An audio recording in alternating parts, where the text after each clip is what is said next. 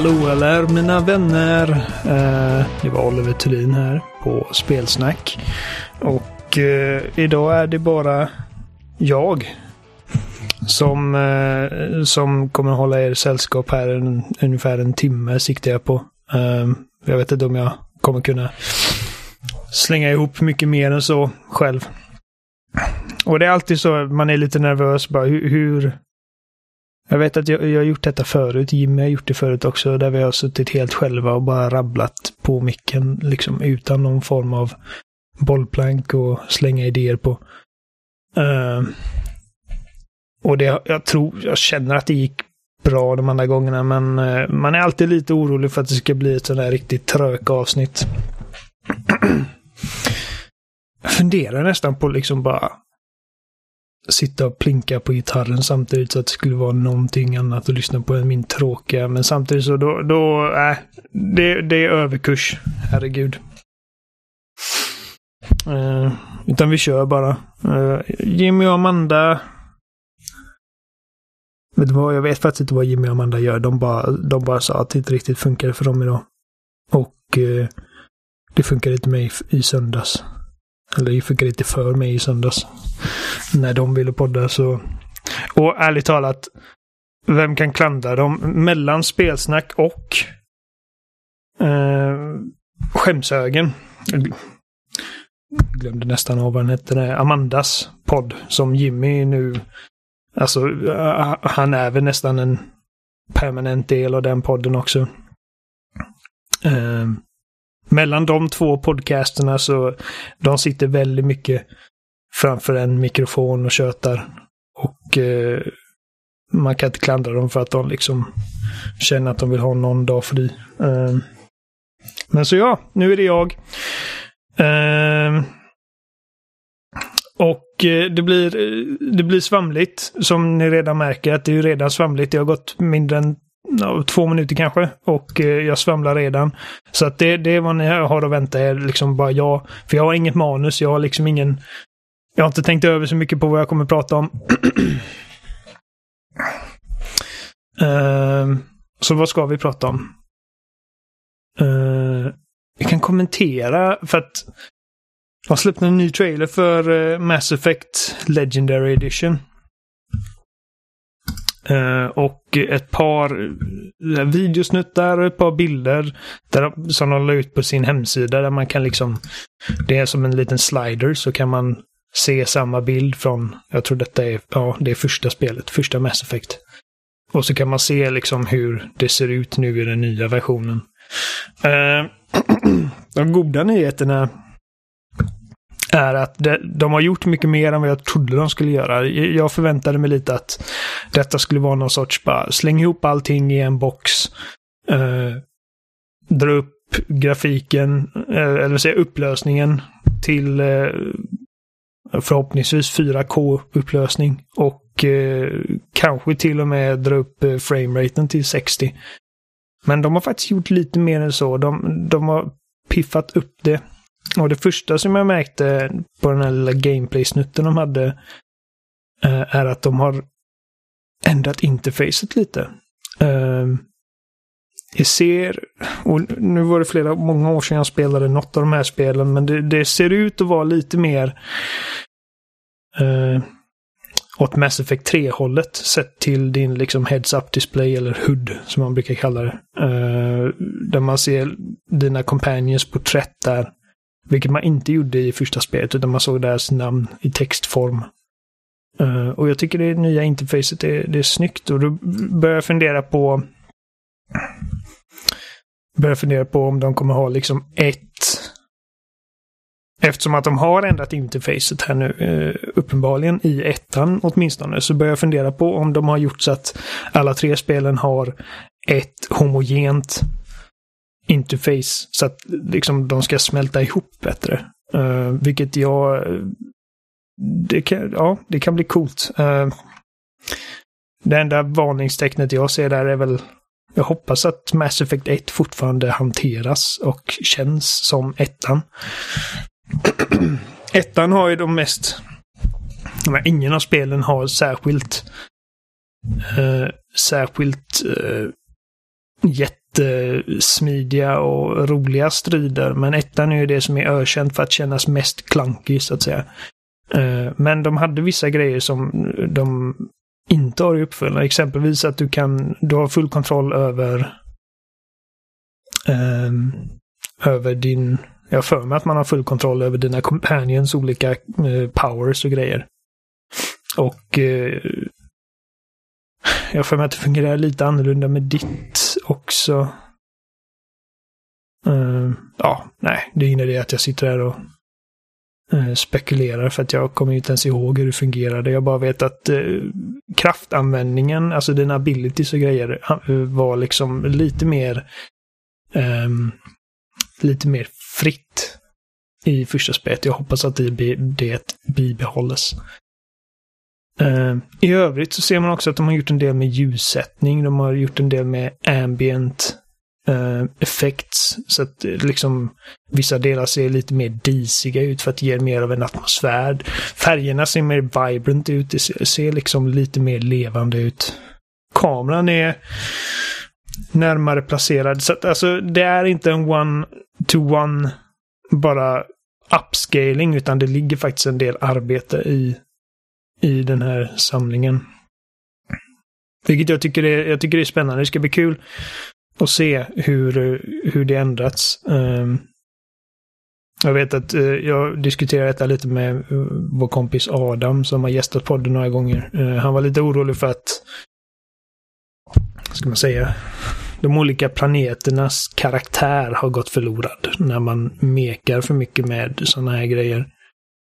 Ehm, jag tror inte att det kommer vara ett särskilt stort problem för den största andelen av spelare som kommer köpa detta. Utan det är mer en sån Adam-grej, men det är, jag kan tänka mig att det kommer finnas sådana subtractors. Eh, jag minns knappt exakt hur de här planeterna ser ut ändå, så att jag tror inte att det spelar någon större roll för mig. Eh, men har de inte gått lite väl liksom JJ Abrams med typ lensflares och grejer? För att man har en sån här jämförelsebild på Thane är den heter va? Drellen. Um, och detta är ju uppenbarligen från troligen tvåan, men det kan ju vara trean också. Han är med där också. Uh, men på den här jämförelsebilden, den enda skillnaden jag ser är bara att de har liksom dragit en lång aggressiv lensflare bara tvärs över bilden.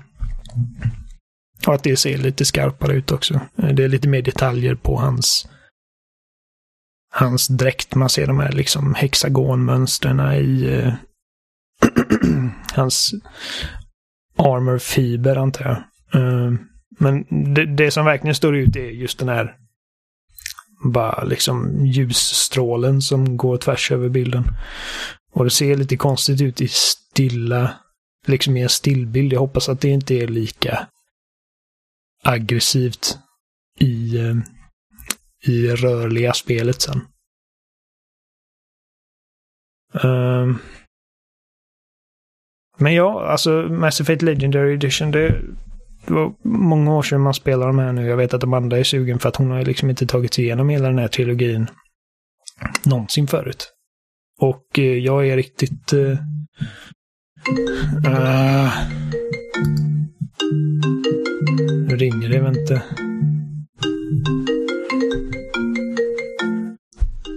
Hallå? Hej. Ja, jag... Uh, jag ringde dig för att säga att nu startar jag podden. Så att ring mig inte. och då skrev jag. ja, hej då.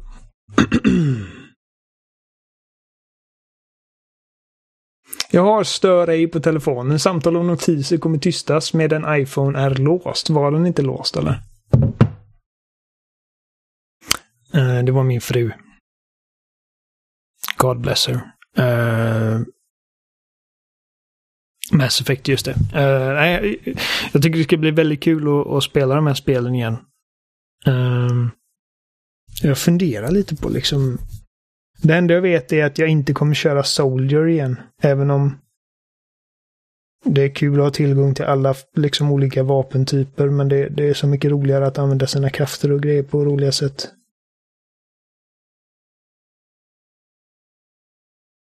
Ja. Uh, eh, vad mer? Vad mer? Det ryktas om uh, ett nytt Knights of the Old Republic.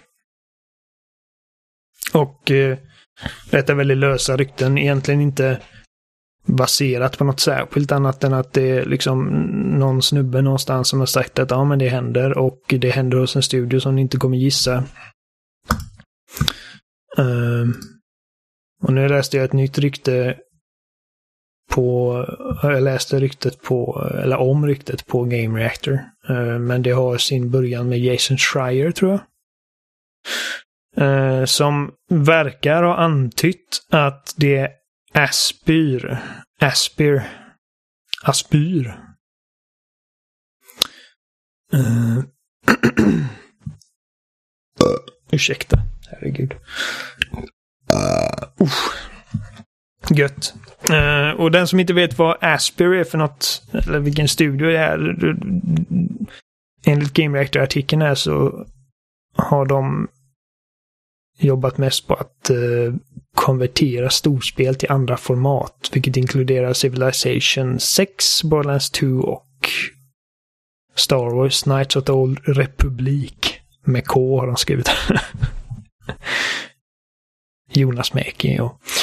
Um, och att det är alltså de som gör en remake av originalspelet. Och det är spännande för att jag började en, en, ny genomspelning av, uh, av uh, Knights of the Republic uh, ganska nyligen. Jag blev sugen efter att jag hade tagit alla achievements i Jedi Fallen Order. Så jag var inne i en sån här typ Star Wars-period där jag bara ville ha Star Wars. Jag kollade Clone Wars på Disney Plus också.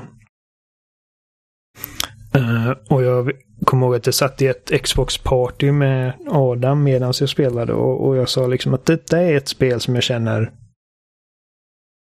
verkligen med rätt förutsättningar, med rätt budget och med rätt uh, team så är det här ett spel som verkligen kan, kan dra nytta av uh, en remake. Liksom att det hade, det hade kunnat bli sweet i en liksom uppdaterad skrud.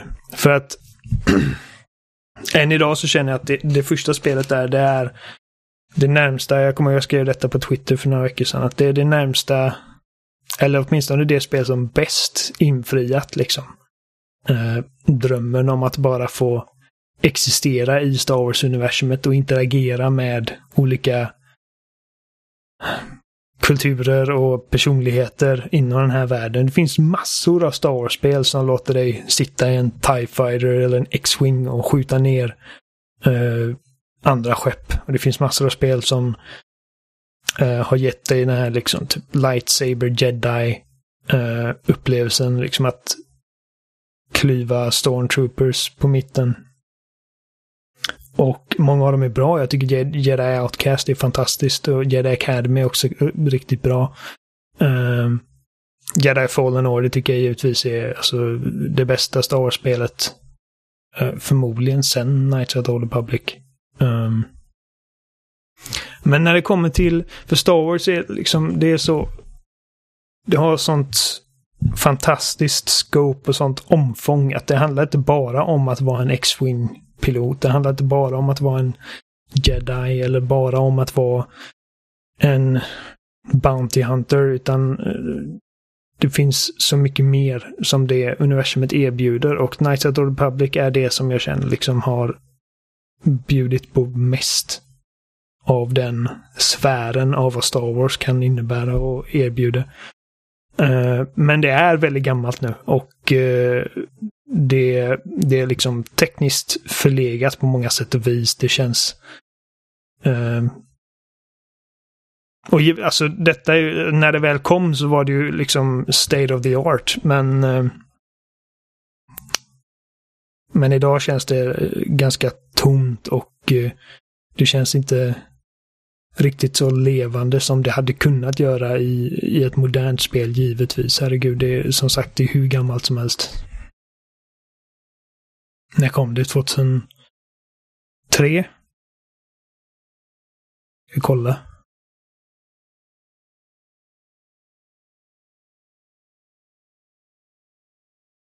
Uh, Okej, okay, det stod inte på Game Reactor. Nu ska vi se. Knights of the Old Republic. Uh, Wikipedia.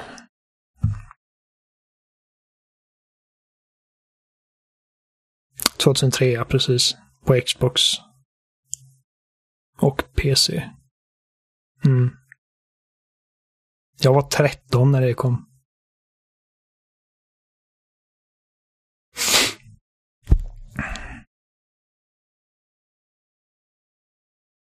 Jag är 30 nu.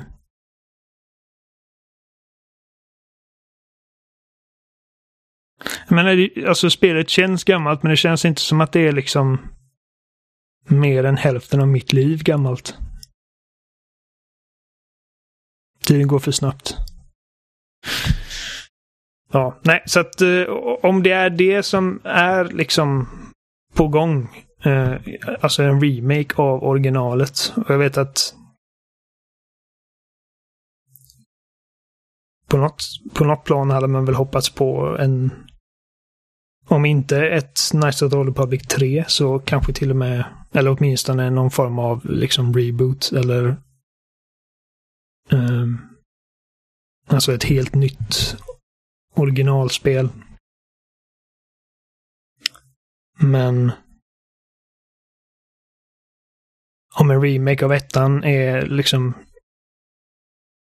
det närmsta vi kommer till det så, så, så tar jag det. Liksom. Och det återigen, med rätt förutsättningar, med rätt team, med rätt eh, inriktning på...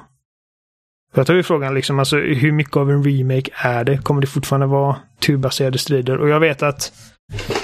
Alltså jag är ju ökänd för att såga turbaserade stridssystem bara för att jag är för dålig för dem. Eh, men just Night of the Old Republic känner jag liksom att det funkar. Eller jag klarar av det. När jag kör på Easy.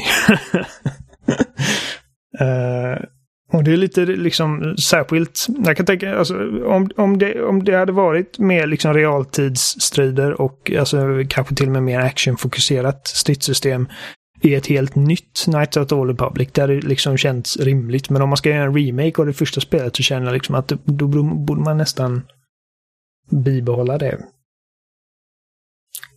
Men å andra sidan, alltså man kan göra en del coola Ja, alltså det är spännande. Det, det, vi får se hur det blir.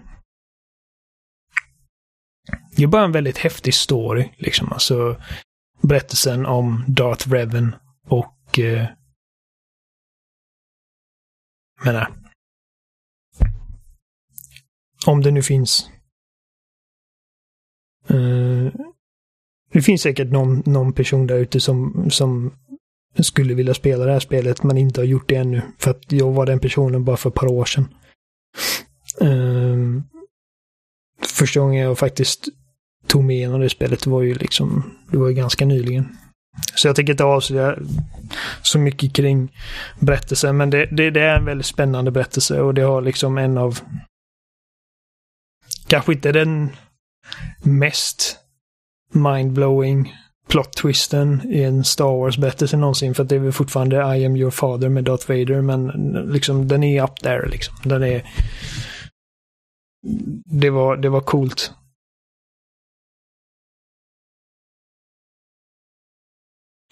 Jag har sett... Bara kommer in på någonting helt annat. Jag har tittat på eh, Rocketman. Eh, filmen om Elton John med, med min fru för att hon har tjatat på mig om att vi ska se den rätt länge. Och eh, jag har liksom varit lite hesitant för att uh, jag, är inte, jag är inget jättefan av musikaler och jag har hört att den lutar lite åt det hållet, liksom att den har musikalnummer där typ ett helt eh, nöjesfält av människor börjar dansa i unison till Tiny Dancer eller vad fan det blir. Um, och jag har svårt för sånt. Så, sådana musikalnummer brukar ta mig ut ur upplevelsen för att jag känner att det där hade aldrig hänt i verkligheten. Och det, det är lite, förmodligen lite tråkig inställning. Och det är väldigt mycket det beror väldigt mycket på också för att givetvis så älskar jag gamla Disney-filmer som också är, alltså tekniskt sett så är de, de är ju de är ju liksom gjorda som musikaler i princip. Uh, jag eh, det är svårt att peka finger på vad det är som gör att det funkar för mig, vad det är som inte funkar. Jag vet att i filmer som Les Misérables, där varenda jävla replik är någon form av sång, så blir jag, alltså då zonar jag ut helt och hållet. Jag liksom, jag slutar lyssna på vad de säger. Eller vad de sjunger, för de säger ju ingenting, de bara sjunger. Um, och, men, men jag älskar La La Land och jag tror att La, det La La Land gör är att de är väldigt Eh, de var väldigt eh, smarta. Inte för att säga att de inte var smarta, med, när de gjorde Les Misérables givetvis. Det är, bara, det är en smaksak. Men alltså, eh, för mig så... De har vanlig dialog när de behöver ha vanlig dialog. När, det, när, när någonting seriöst händer. Uh, när det behöver vara mer klassiskt dramatiskt. Och de har musikalnummer när men musikalnumren är också dramatiska på sitt sätt, men när det är mer liksom känslodrivet. Vilket fungerar väldigt bra. Som tur var så känner jag att eh, Rocketman eh, hade också ganska bra balans där mellan eh, så flimsy, typ outlandish eh, musikalmoment med mer ordentliga, liksom bara dialogdrivna scener. Och det som jag är mest imponerad av bara förutom då att man återigen, liksom, när man kollar på den här filmen, påminns om vilken fantastisk jävla låtskrivare Elton John var. Eller är. Han lever ju fortfarande, herregud. Är. Och vilken repertoar av bara skitbra liksom bara ballader och rocklåtar och liksom allt däremellan. Som han har samlat på sig under sin karriär. Vilken, vilken jävla musiker, vilken artist. Det finns bara en Elton John. Uh. Ja, men förutom det, det som var mest imponerande var bara hur grym Taron Egerton, eller Edgerton, jag vet inte hur man uttalar det. Edgerton Uh, var i rollen som Elton John. Jag, jag, jag gillade Taron. Uh, för att jag tycker om Kingsman-filmerna. Det är liksom roliga, snyggt regisserade action. Liksom nästan superhjältefilmer fast med brittiska gentleman-spioner. Och jag tror att jag tror att den stilen kommer lite för att Kingsman är väl från början en serietidning tror jag. Så jag visste att alltså, han är karismatisk och eh, eh, fysiskt liksom kapabel. Eh, men att han också skulle ha den den dramatiska talangen som han visar sig ha i den här filmen och, eh, och så här, liksom vilken bra sångröst han har för att liksom allting, om jag förstår det rätt så uh, de har inte använt någon av originalinspelningarna på något sätt utan allting är nygjort och uh, han sjunger liksom allting. Så att uh, den finns på Netflix. Om man har minsta intresse i liksom rock'n'roll-legender så rekommenderar jag den.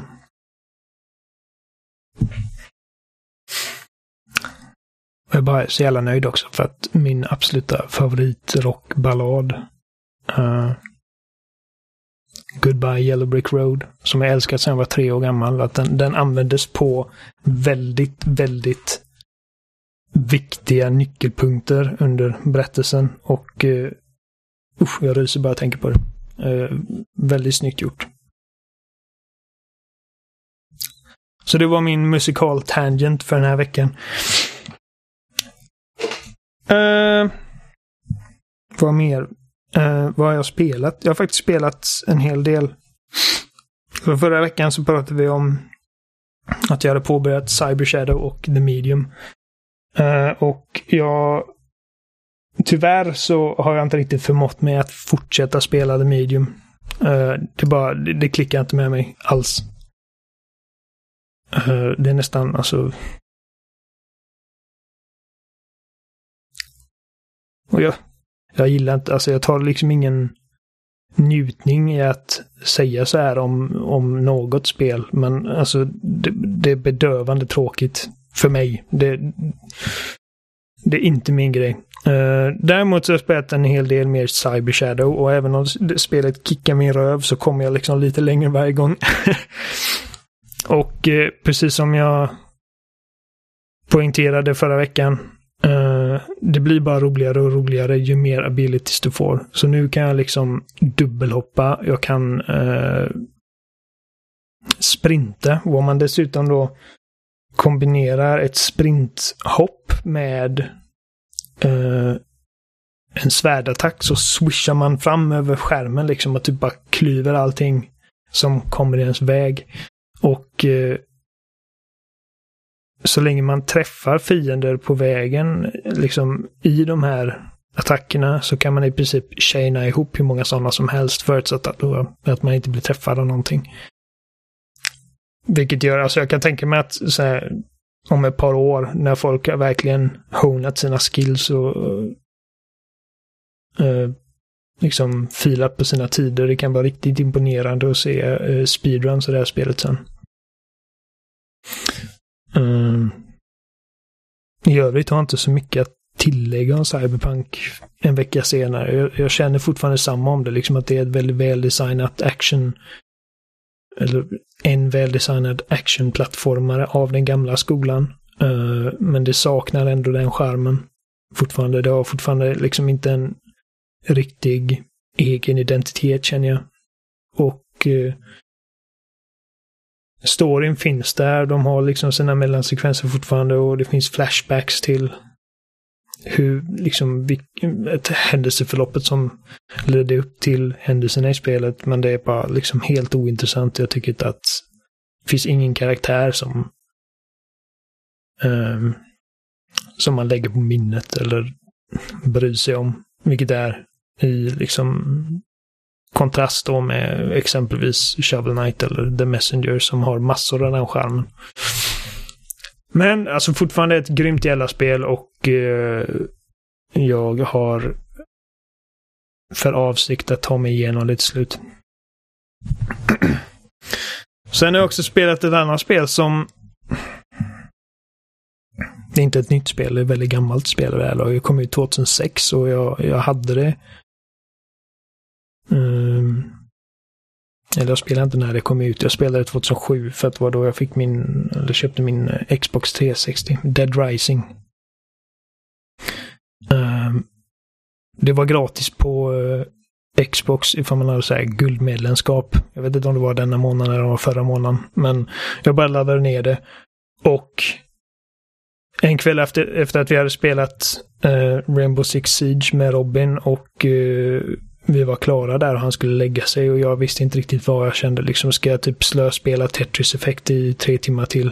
Ehm, um, nej, jag startade Dead Rising lite. Och, eh, från början var det bara tank, liksom tanken att jag skulle hoppa in och döda några zombies, men det slutade med att jag faktiskt tog mig igenom hela spelet, vilket jag aldrig gjort förut. Um, för jag menar, alltså jag tycker om, tyckte om spelet väldigt mycket, liksom när jag spelade första gången för 14 år sedan, herregud. Så eh, det var bara massa grejer som kom i vägen. För att de, dels så har det liksom den här tidsgräns eh, hooken med spelet. Att jag tror att det är 72 timmar som spelet utspelar sig under. Och alla uppdrag och sidouppdrag i spelet händer under väldigt specifika förhållanden, under väldigt specifika tider under de här tre dygnen. Och om du inte är på plats när du behöver vara på plats så missar du det. Så att detta är alltså ett spel som du kan spela i eh, liksom fem sex timmar och sen bara råka missa att vara på en plats vid ett särskilt tillfälle och hela liksom huvudkampanjen och huvudstoryn låses liksom... Den försvinner för dig. Du, du har misslyckat den. Uh, det finns inga checkpoints heller, utan det är bara manual saves. Och det är väldigt liksom, specifika platser du kan spara på. på toaletter och uh, soffor i uh, liksom safe rooms. Sen är spelet ökänt också för att, för att många av uh, sidouppdragen involverar att man ska hitta andra överlevare och eskortera dem till den, liksom din safe, uh, security room. Där de har svetsat in sig från zombisarna. Så du ska alltså esk eskortera de här människorna genom ett köpcenter, liksom ett hav av zombies. Och de kan dö, liksom, alltså de har livmätare som man måste oroa sig för. Och de har världens sämsta AI någonsin. De fastnar på varandra, de fastnar i väggar, de fastnar i liksom, objekt i världen. Om det liksom råkar vara typ en liten bänk eller någonting som blockerar deras väg så, så kommer de inte förbi det. Och ifall de blir ens lite överrumplade av zombies, även om du ger dem en katana, så, så måste du tillbaka och rädda dem. Plus då att medan du springer med de här tjommarna, som inte har en chans liksom att överleva själva, så har du ständigt det här liksom, den här tickande klockan att nästa storyuppdrag, jag måste vara på plats för att hinna med det. Så att det har varit liksom många gånger som man bara, nej, jag måste överge dig nu. Jag, jag har inte tid.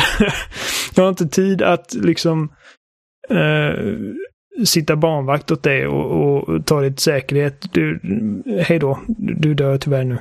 Um,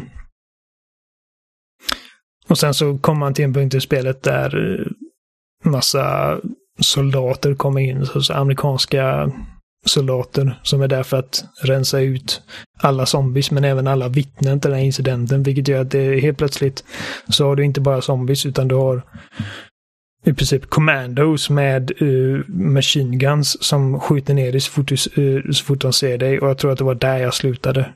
Uh, jag kom aldrig längre så, för att liksom, det var där jag tyckte liksom att uh, nu är det för mycket. Vilket visar sig nu att det är väldigt nära slutet av spelet. Så jag var i princip i slutet. Jag behövde bara ta mig igenom, liksom ta mig över den sista tröskeln för att klara det. Men nu har jag gjort det och trots att eh, liksom den här tidsbristaspekten av spelet eh, gör dig liksom superstressad hela tiden. Och att eh, din companion AI är liksom den sämsta du har sett i ett spel någonsin så är det ett väldigt, väldigt roligt, charmigt och unikt spel. Som jag känner att den serien pikade med första spelet. Uh, uppföljarna känns lite som lite anonyma i jämförelse. Och nu har jag bara spelat i och för sig. Jag har spelat lite av tvåan. Och jag har spelat trean och jag rörde aldrig fyran. Um, men eh, jag känner att the general consensus där är också liksom att det, det, jämfört med ettan är det liksom ingenting att ha. Jag tror att den här tidsbegränsningen Medan det är liksom en av de mest, liksom, förutom då AI, eh, AI på alla survivors du måste rädda, så är det den som är mest bespottad med de här spelen. Liksom, det är många som känner bara, nej, då får det fan vara ifall de ska stressa mig med om jag måste hålla tider i min, i min tv-spelsunderhållning, då får det vara. Uh, men jag känner också att det är också en aspekt som gör att spelet känns mer speciellt än andra spel av den här typen. För att det, det gör liksom att uh, den här spelet känns mer levande, som att det händer grejer liksom vare sig du är där eller inte. Och det är liksom ditt ansvar att se till att vara där ifall du vill ta en del av den kakan. Eh, det gör också att omspelningsvärdet blir helt annorlunda. Det finns massa olika slut i spelet och eh, jag menar, jag gjorde det bästa jag kunde nu och försökte rädda så många survivors som möjligt, men uppenbarligen så var det ju massor av sådana sidequests som jag bara liksom inte hann med. Och Eh, överlevare som inte överlevde. Så, så det är en sån grej som man på en andra genomspelning kan sikta på att eh, liksom få med den andra gången. Uh. Sen känner jag bara liksom att det, det, är mycket simplare än de andra spelen också. I, I uppföljarna så har du massa olika recept på supervapen. Du ska hitta en baseball bat och så kombinerar du det med en kundvagn och några sågklingor och en liksom propantank och så har du liksom ett vapen som kan döda massa zombies på ett slag. Men samtidigt så är alltså, jag uppskattar simpliciteten med det första spelet att du har alla de här objekten i eh, köpcentret är liksom ett litet vapen och du lär dig vart de ligger och de spånar om varje gång du kommer till den här platsen. Och Eh, du behöver inte tänka på att kombinera massa olika vapen. Du behöver inte tänka på att hitta massa olika blueprints och skit, utan du plockar på du plockar på det vad du vet funkar. Och det är simpelt. Less is more. Och sen älskar jag bara hela... Jag menar, det är ju en rip-off av, av Dawn of the Dead sett i settingen, men jag älskar köpcentret. Det, som sagt, så mycket charm i det spelet.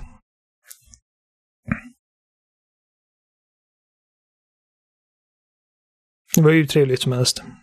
Mm.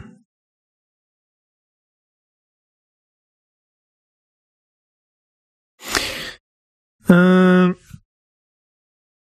jag har också påbörjat Yakuza Kiwami 2. Jag har spelat uh, Zero, Kiwami 1 förut. Och jag påbörjade sexan när det var nytt, men det kom väl...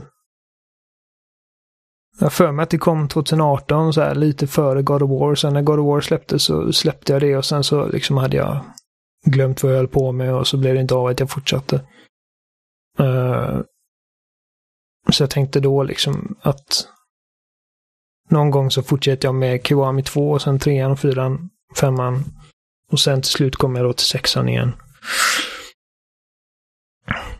Och Yakuza är, på tal om spel som är bara wacky och helt unika och dryper av charm. Vi har pratat om Yakuza på podden förut, men det tål att sägas igen liksom. Alltså det, det, finns ingen spelserie riktigt som Yakuza. Och jag tror att, men som jag då, när, jag tror att om det var fyran som var gratis med PS Plus på PS3 för massa år sedan. Och jag hade fått för mig liksom att det var, för jag visste att det var liksom ett crime-drama i princip. Med den japanska maffian, Yakuzan. Vilket och att det fanns liksom en typ stadsdel som du kunde röra dig runt om i fritt. Vilket översattes på något sätt i min fantasi som ett japanskt GTA. Och när jag insåg att det inte är vad, vad det var så, så släppte jag det. Uh, och jag kan tänka mig att det finns historier från andra människor som har liksom fått den förutfattningen också och eh, uh, blir besvikna. Det är inte ett japanskt GTA, det är liksom sin helt unika grej och när du ge det en chans. Och eh, liksom lär dig att acceptera det för vad det är snarare än för, för vad du har hoppats på att det skulle vara så kommer du få en liksom spelupplevelse olik någon annan. Det är ett japanskt crime drama med japanska maffian. Det är det och det, det är väldigt seriöst och eh, det är väldigt tungt på story, väldigt storydrivet, väldigt karaktärsdrivet.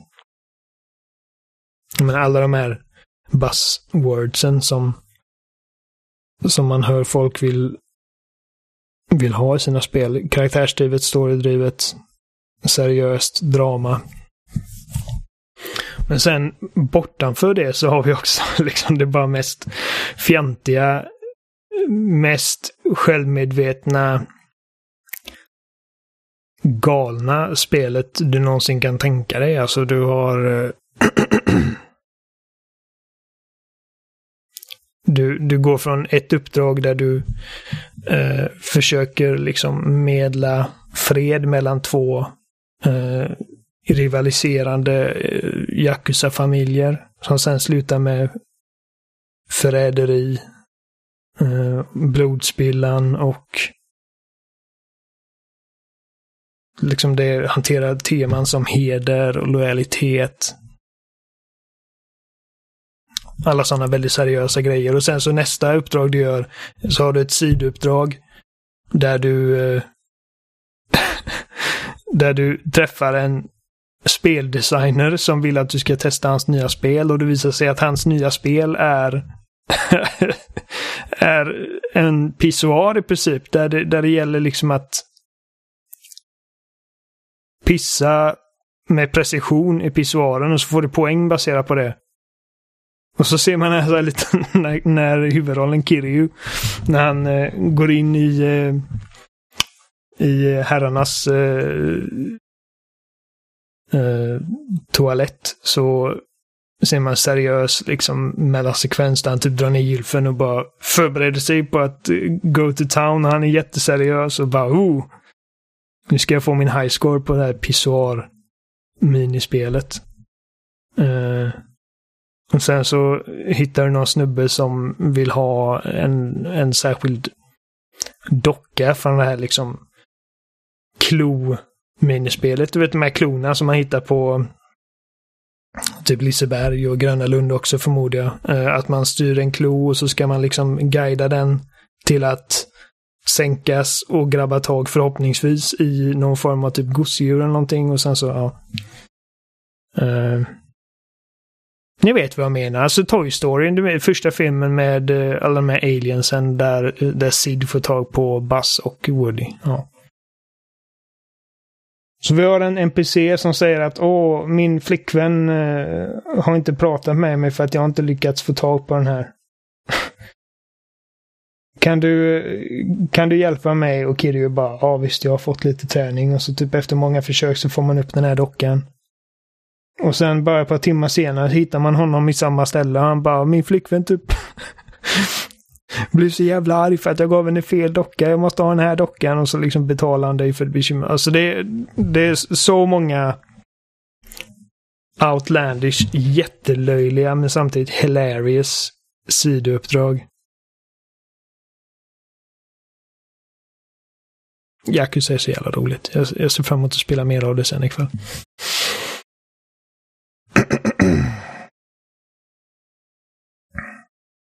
Det är någonting mer.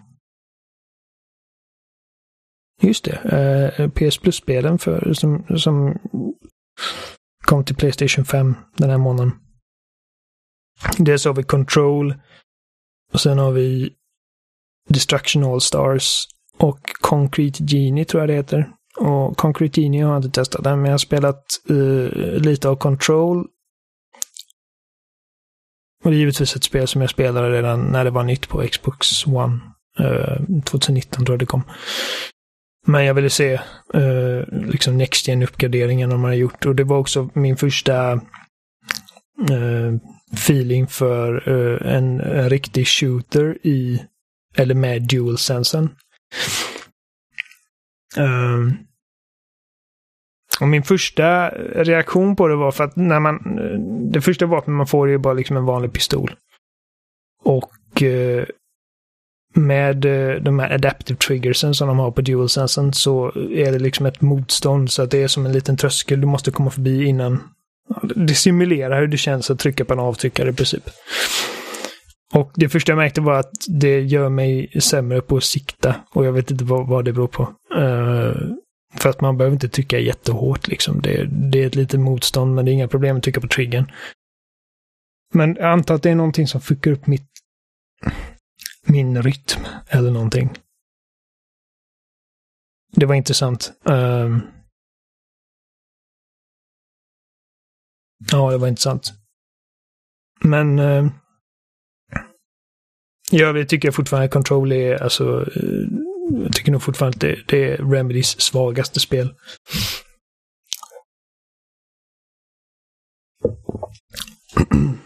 Och med det sagt så betyder det inte att jag tycker det är dåligt. Jag har fortfarande enorm respekt för vad de lyckas göra rent tekniskt med liksom eh, fysiksimulationer och grejer. Och med en ändå relativt ödmjuk budget. Men med ett Remedy-spel så vill jag ha liksom en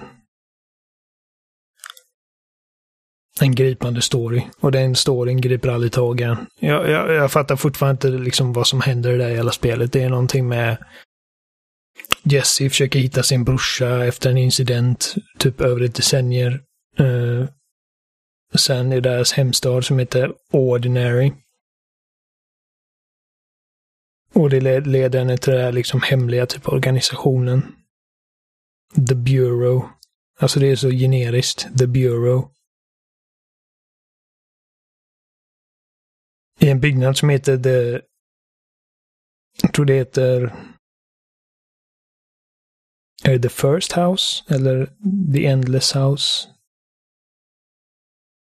Någonting. Som i princip är en liksom portal till massa olika dimensioner och morfar sig och...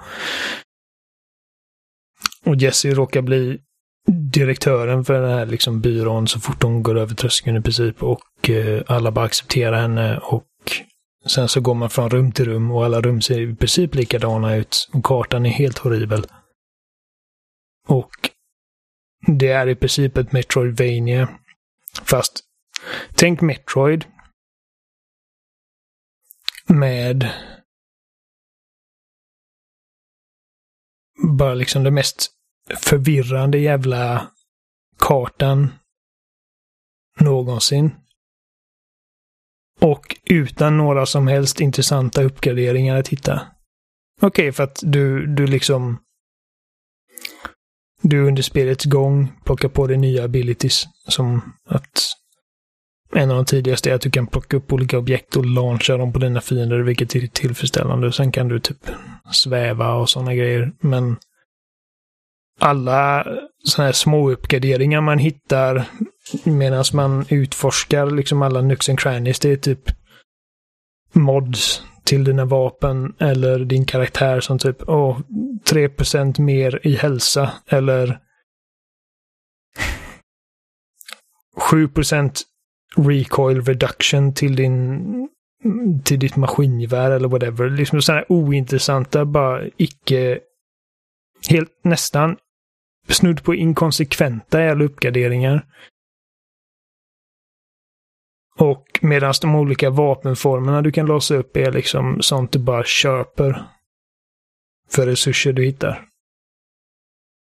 Det var mycket coolare ifall de här olika vapnen var sånt som man faktiskt liksom hittade genom att utforska den här platsen. Ge mig liksom ett mer intressant skill tree, inte bara skill tree är också likadant. Det är typ ja, 5% extra hälsa, 10% extra hälsa. Uh, 5% uh, mer energi. Ja, nej. Jag har redan uttryckt mig om control. Alltså det är... Beating on the dead horse. Typ, det är ju känt att det är egentligen bara jag och Jimmy som inte tycker att det är typ världens bästa spel. Ja, det är synd för jag älskar Remedy. Alltså Max Payne 2 framförallt är väl en av mina liksom absoluta favoriter i storydrivna actionspel. Och medan Alan Wake hade sina liksom svagheter och eh, nackdelar så var det ändå liksom en, en, en gripande premiss. Med, eh, med en spännande huvudkaraktär och liksom minnesvärda karaktärer och väldigt trevliga miljöer att vistas i. Och det är väl det jag tror att det är väl en av de största grejerna jag stör mig på med eh, senare Remedy-grejer. Jag vet att detta var liksom min tanke även med Quantum Break. Som i slutändan så tyckte jag eh, Quantum Break var väldigt coolt. Men bara liksom den grundläggande premissen med Max Payne, liksom att han är en hårdkokt snut. Som förlorar allt en kväll. Det, det, det, det är en simpel premiss. Det är lätt liksom att bara grabba tag i. Och det är samma med Alan Wake, liksom att vi har en sömnlös thrillerförfattare med, eh, med skrivkramp. Som med sin fru reser till liksom en uh, remote Twin Peaks-doftande liksom där småstad i, uh, i USA. För att liksom låsa in sig typ i uh, väldigt Stephen King-doftande liksom. Låsa in sig typ i en uh, remote cabin. För att liksom försöka hitta tillbaka till sin kreativa ådra igen. Och sen försvinner frugan och han däckar och liksom vaknar upp i något dike någonstans och inser att en skräckroman som han skrivit, men han inte minns att han skrivit, uh, tar fysisk form i verkligheten. Det är ju ascoolt. Och sen har vi Quantum Break. Ondskefullt företag uppfinner en tidsmaskin. Och Control, vad är premissen ens? Jag fattar inte riktigt.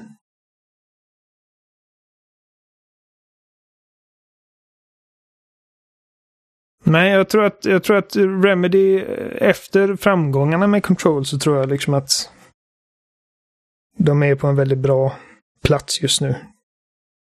Och jag, jag tror för dem, eller jag har förtroende för dem.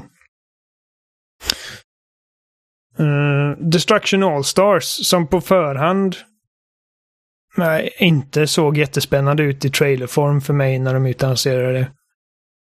Uh, det är definitivt roligare att spela än vad det är liksom än vad, det, än vad jag tyckte att det såg ut från början. Det fick så här lite Rocket League-vibbar. Uh, så bara kortfattat vad Destruction Allstars handlar om. Det är i princip... Tänk typ Overwatch. Du har olika väldigt färg, färggranna och eh, eh, ska man säga excentriska karaktärer med sina egna abilities. Och eh, ni bara släpps loss i en arena. Där målet är liksom att kvadda så många av motståndarnas bilar som möjligt. Så du har dina så här typ derbybilar i princip. Och eh, tänk Twisted Metal. Ni ska bara liksom förstöra varandra. Det är inget racingspel. Jag, jag har sett eh, folk på Twitter liksom säga att nej, jag gillar inte racingspel. Det är inte ett racingspel. Det handlar inte om att komma först i mål på något sätt. Utan eh, du ska bara krocka så hårt som möjligt in i motståndarna. Och de blandar både liksom eh, bilgameplay med, eh, ska man säga,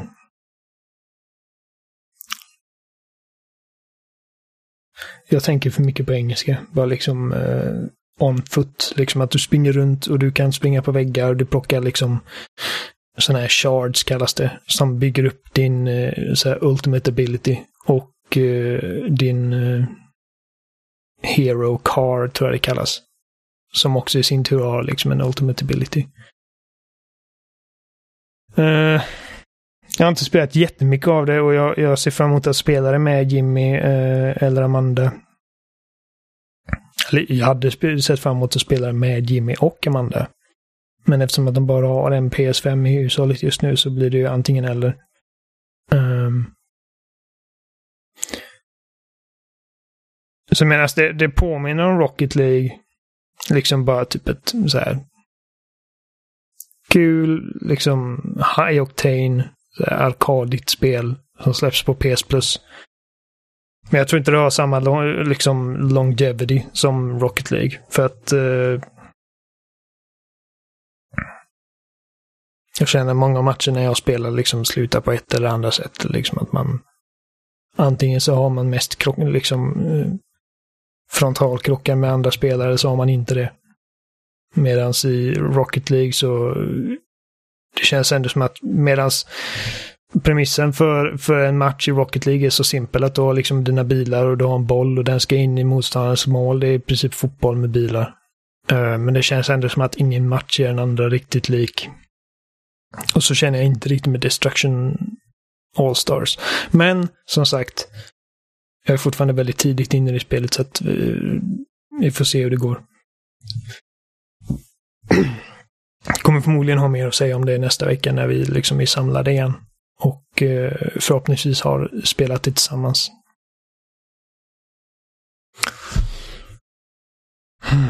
Um, ska vi se, jag har ett möte här nu om typ nio minuter så jag borde avrunda lite.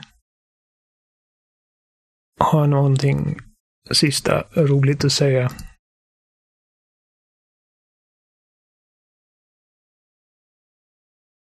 Du, du, du, du, du, du, du. Bara kolla igenom på en nyhetssida och se ifall det har hänt någonting spännande. Du, du, du, du, du. Jag tror inte det va? Första bilden på Joker i Justice League. Alltså den, den filmen kommer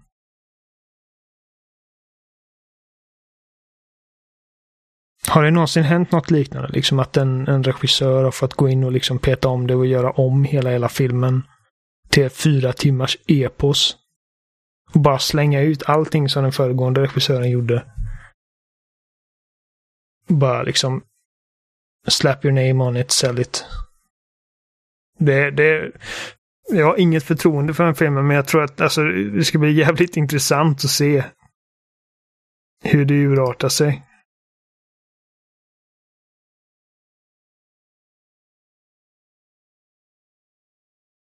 The Medium är redan tjänat in pengarna för utveckling och marknadsföring. Det är ju trevligt.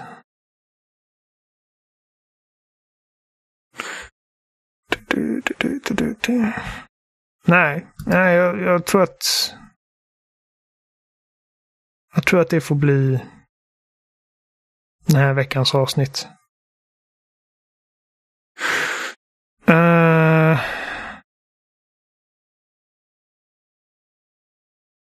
Jag har inte hela den här jargongen inövad. Ni hittar oss på bla bla bla bla. Alltså ni vet var ni hittar oss. Vi har en hemsida, spelsnack.com.